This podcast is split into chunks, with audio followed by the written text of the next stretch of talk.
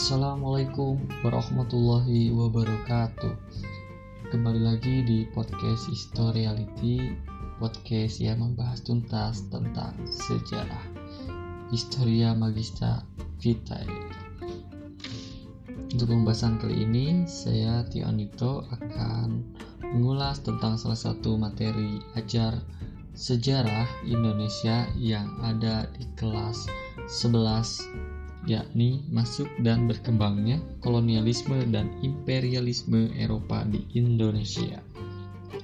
Jauh sebelum bangsa-bangsa Eropa memelopori era penjelajahan samudra yang kemudian diikuti era kolonialisme imperialisme, aktivitas perdagangan antar bangsa di dunia sudah berjalan.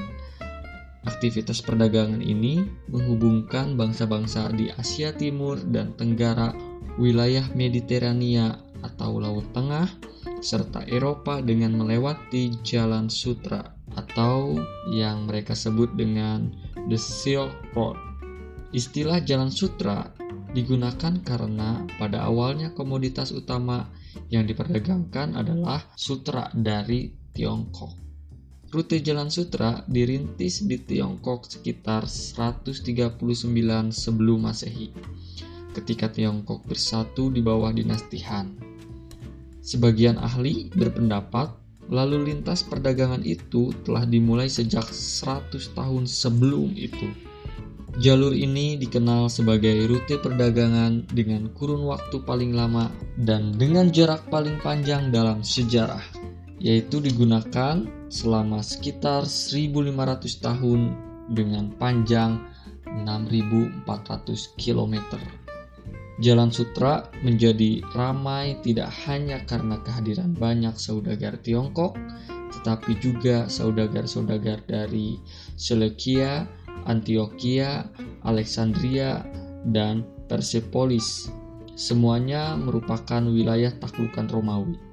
Perdagangan melalui Jalan Sutra dimulai di Chang'an, Xi'an, di Tiongkok.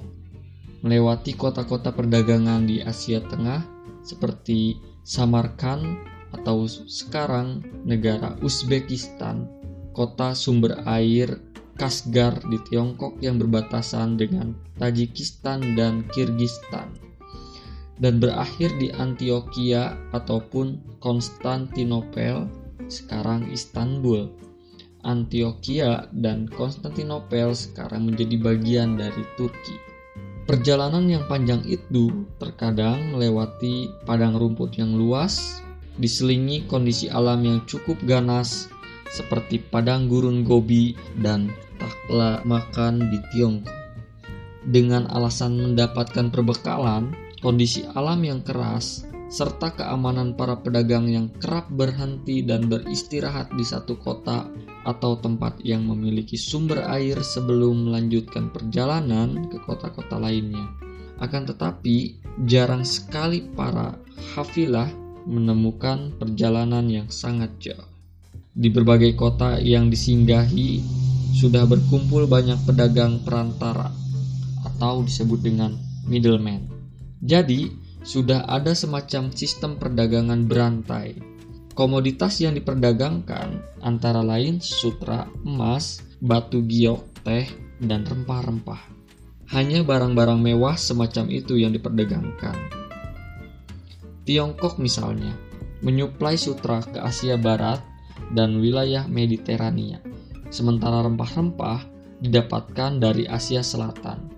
Perdagangan yang melibatkan orang-orang dari berbagai latar belakang suku dan budaya ini menjadikan kota-kota di sepanjang Jalan Sutra ramai. Bahkan, tidak hanya perdagangan, kota-kota itu juga tumbuh menjadi pusat ilmu pengetahuan, budaya, dan seni.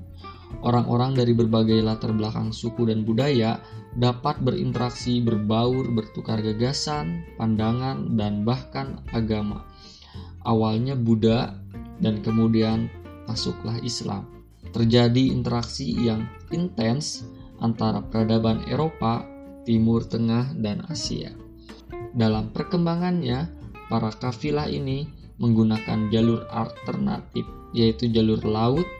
Hal ini tidak terlepas dari kemajuan ilmu falak atau astronomi dan pelayaran ketika itu. Jalur laut pertama kali digunakan oleh bangsa Romawi dalam rangka memperluas wilayah kekuasaannya hingga ke dunia timur. Jalur laut ini menghubungkan wilayah Mediterania dan India. Rute laut utama dimulai di Kanton, Guangzhou, Tiongkok, melintasi Asia Tenggara, Samudra Hindia, dan Laut Merah. Kemudian mencapai Alexandria. Antara abad ke-1 dan ke-6, kapal-kapal dagang termasuk kapal-kapal dagang Arab lalu lalang melintasi Laut Merah dan India barang-barang yang diperdagangkan di kapal di kota Berenike, sebuah kota kuno di Epirus yaitu wilayah antara Yunani dan Albania sekarang di sepanjang Laut Merah dan diangkut lewat perahu-perahu dan diangkut lewat darat ke daerah pedalaman sampai Sungai Nil. Dari situ, perahu-perahu sungai mengangkut barang-barang tersebut ke Alexandria.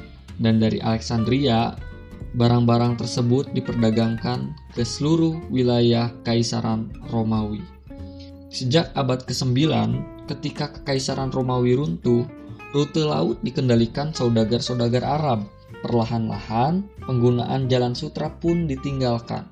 Penggunaan rute laut memungkinkan terjadinya pengiriman dan perdagangan barang dalam jumlah besar dan beraneka ragam. Sesuatu yang sulit dilakukan melalui jalan sutra.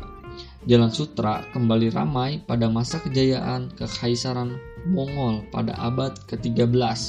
Selain reputasi militernya, kekaisaran yang menguasai Tiongkok dan Asia Tengah ini sangat mendukung aktivitas perdagangan.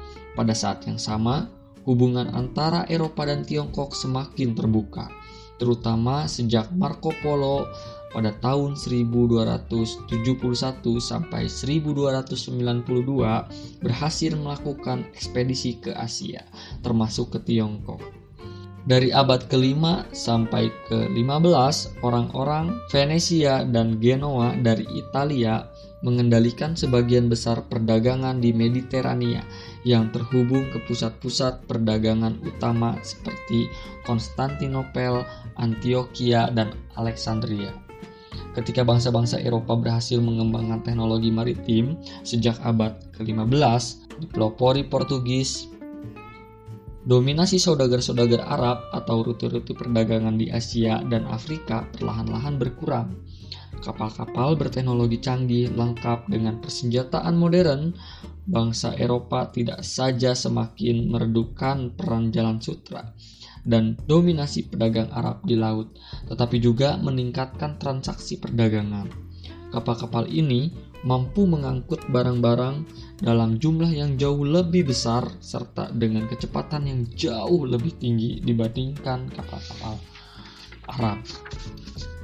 Kota Konstantinopel bertahan menjadi pusat perdagangan yang ramai hingga pertengahan abad ke-15 letak kota yang didirikan dan dikuasai Kekaisaran Romawi Timur atau Bizantium ini memang sangat strategis, yaitu sebagai pelabuhan transit yang menghubungkan dunia timur atau Asia dengan Eropa. Seiring perkembangan pesat Konstantinopel, pamor kota-kota perdagangan lain semakin redup. Nah, begitulah situasi kondisi sebelum terjadinya penjelajahan samudra yang dilakukan bangsa Eropa. Lalu, bagaimana lahirnya kolonialisme dan imperialisme bangsa Eropa ini? Kolonialisme dan imperialisme bangsa Eropa di Asia tentu tidak hadir secara tiba-tiba. Pada awalnya, kolonialisme dan imperialisme Eropa bukanlah dilatar belakangi oleh ambisi untuk menguasai dan menjajah bangsa-bangsa di Asia dan Afrika. Tujuan utama kedatangan bangsa Eropa adalah berdagang. Mereka membeli barang-barang yang langka di pasar Eropa, terutama rempah-rempah dan sesekali menjual hasil-hasil produksi mereka seperti pakaian kepada bangsa Asia dan Afrika Singkat kata, motivasi utamanya adalah berdagang. Masa penjelajahan bangsa Eropa ke Asia dan Afrika berlangsung sekitar abad ke-15 sampai abad ke-16 yang sering dinamakan zaman penjelajahan, the age of discovery dalam sejarah Eropa. Masa penjelajahan ini penuh dengan heroisme dan pengorbanan karena mereka akan mendatangi wilayah yang belum pernah mereka kenal sebelumnya. Penjelajahan bangsa Eropa mengarungi samudra dipelopori oleh bangsa Portugis yang melakukan pelayaran samudra dengan semangat mengejar kekayaan perdagangan, membangun kekuasaan, dan misi penyebaran agama Kristen yang sering disebut dengan 3G atau God, Glory, and Gospel. Pangeran Dom Henry Kui pada tahun 1394 sampai 1460 atau yang dikenal sebagai Henry Sang Navigator mendorong para pelaut Portugis melakukan penjelajahan. Perhatian utama Pangeran Henry adalah pantai barat Afrika, yakni Maroko. Henry mendapat informasi bahwa di wilayah pedalaman Maroko, para pedagang Arab memperdagangkan emas Para pedagang Arab membawa emas-emas tersebut menggunakan karavan-karavan unta. Oleh karena itu, Henry memutuskan untuk menjelajahi pantai barat Afrika untuk menemukan pelabuhan-pelabuhan lainnya serta jalur-jalur karavan yang menuju ke daerah-daerah produksi emas. Akibatnya, berangsur-angsur para pelaut Portugis mulai mengenal jalur pelayaran di pantai barat Afrika. Ekspedisi laut bangsa Portugis di bawah Dom Henry pada tahun 1415 berhasil menaklukkan Ceuta, sebuah pelabuhan yang terletak di Afrika Utara yang dikuasai para pedagang Arab. Ekspedisi ke Afrika ini dianggap berhasil karena dengan dikuasainya Ceuta, maka bangsa Portugis ini dengan leluasa dapat berdagang dengan bangsa Afrika secara langsung. Dari para pedagang Arab yang berada di Afrika, inilah bangsa Portugis memperoleh informasi penting daerah penghasil rempah-rempah di Asia termasuk Nusantara. Setelah yakin telah menemukan jalur daerah penghasil rempah-rempah yang mereka kira India, Raja Portugis Dom João kedua mulai mengirim armada ekspedisi untuk menemukan daerah tersebut. Armada yang berhasil salah satunya dipimpin oleh Bartolomeu Dias. Ia berlayar menyusuri pantai barat Afrika melintasi Ghana, Angola, dan Namibia. Setelah itu, Dias melanjutkan perjalanannya ke pantai timur Afrika dan di sini kembali diperoleh informasi yang lebih jelas dari saudagar-saudagar Arab tentang kekayaan rempah-rempah di India. Awalnya, Dias bermaksud akan terus berlayar ke India, tetapi terpaksa kembali karena para awak kapalnya menolak melanjutkan perjalanan. Dalam perjalanan pulang, inilah kapalnya kemudian berlabuh di sebuah tanjung yang berbatu-batu di wilayah Afrika Selatan yang posisinya menghadap Samudra Atlantik. Oleh Raja Dom Joe kedua, wilayah tersebut dinamakan Tanjung Harapan. Dias melaporkan kepada raja bahwa ada kemungkinan untuk menemukan jalur ke India melalui Tanjung Harapan. Kesuksesan Portugis mendorong Spanyol membiayai ekspedisi Christopus Columbus pada tahun 1492. Sama dengan bangsa Portugis, tujuan ekspedisi Spanyol adalah menemukan rute alternatif ke India. Columbus berlabuh di Bahama atau benua Amerika yang dikiranya India dan lantas menamakan penduduk asli di sana sebagai orang Indian. Meskipun demikian, Columbus secara tidak sengaja menemukan benua Amerika. Pada 1493, Columbus kembali dari perjalanannya menceritakan penemuannya kepada Raja Dom João II. Hal ini memicu konflik antara Spanyol dan Portugis karena Raja Dom João kedua bersikeras bahwa bangsa Portugis merupakan pihak yang berhak menjelajahi wilayah Amerika. Selanjutnya diadakan perundingan dengan Paus sebagai penengah pada tahun 1494. Perundingan tersebut mencapai kesepakatan yang melahirkan garis Tordesillas Bagian barat dari garis itu adalah wilayah penjelajahan Spanyol dan bagian timurnya adalah wilayah penjelajahan Portugal. Ini berarti bahwa secara garis besar benua Amerika masuk wilayah penjelajahan Spanyol dan Asia masuk wilayah penjelajahan Portugal. Ekspedisi Portugis kemudian dilanjutkan oleh Vasco da Gama pada tahun 1469 sampai 1524 yang kembali menyusuri alur perjalanan pendahulunya. Ekspedisinya berhasil berlabuh di Kalikut, India pada tahun 1498. Ia kemudian membangun benteng serta membuka kantor dagang di sana. Penjelajahan samudra oleh Spanyol dilanjutkan oleh Ferdinand Magellan 1480 sampai 1521. Ia dikenal sebagai orang pertama yang mengelilingi dunia sekitar tahun 1519.